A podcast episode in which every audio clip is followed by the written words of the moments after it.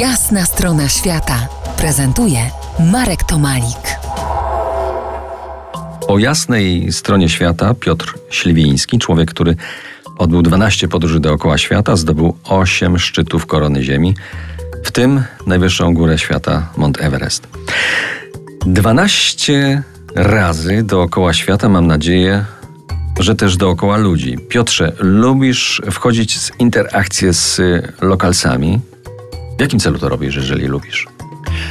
Y, unikam miejsc turystycznych, podróżuję bez y, pilotów, przewodników, bez żadnego wsparcia, czasem nawet i bez map.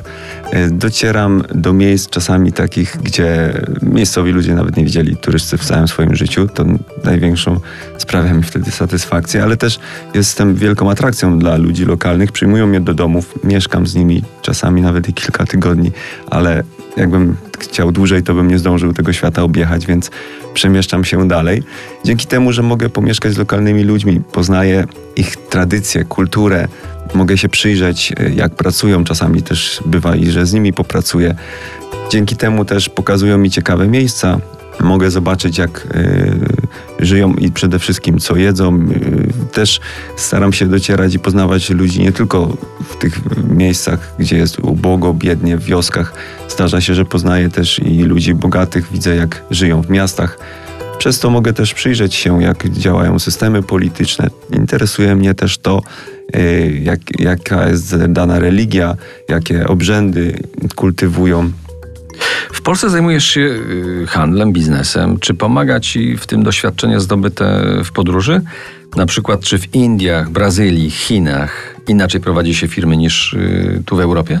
Interesuje mnie to, ponieważ właśnie też mam kilka firm, ale dzięki temu, że mogę odwiedzić inne miejsca, to przyglądam się, jak prowadzą taki biznes inni i każdy kra kraj ma swoje jakieś specyficzne rzeczy. Na pewno w tych krajach bliżej równika y, jest to bardziej na luzie, nie ma tak dużo planowania, jest więcej rzeczy takich spontanicznych.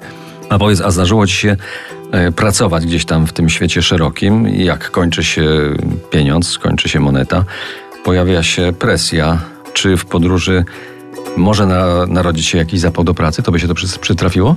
Zdarzało mi się pracować, że skończyły mi się środki do podróży i faktycznie wtedy potrzebowałem pracować, żeby zarobić, ale wiele razy było tak, że miałem pieniądze ze sobą, a ciekawiło mnie, jak się będzie wykonywać daną pracę. Taki przykład może dla mnie był e, raz bardzo dotkliwy, bo się skończył chorobą. Otóż bardzo smakowało mi mango w Australii, więc zatrudniłem się w takiej fermie, gdzie zbierało się e, mango i nie była dla mnie stawka istotna, tylko to, czy będę w trakcie pracy mógł jeść mango.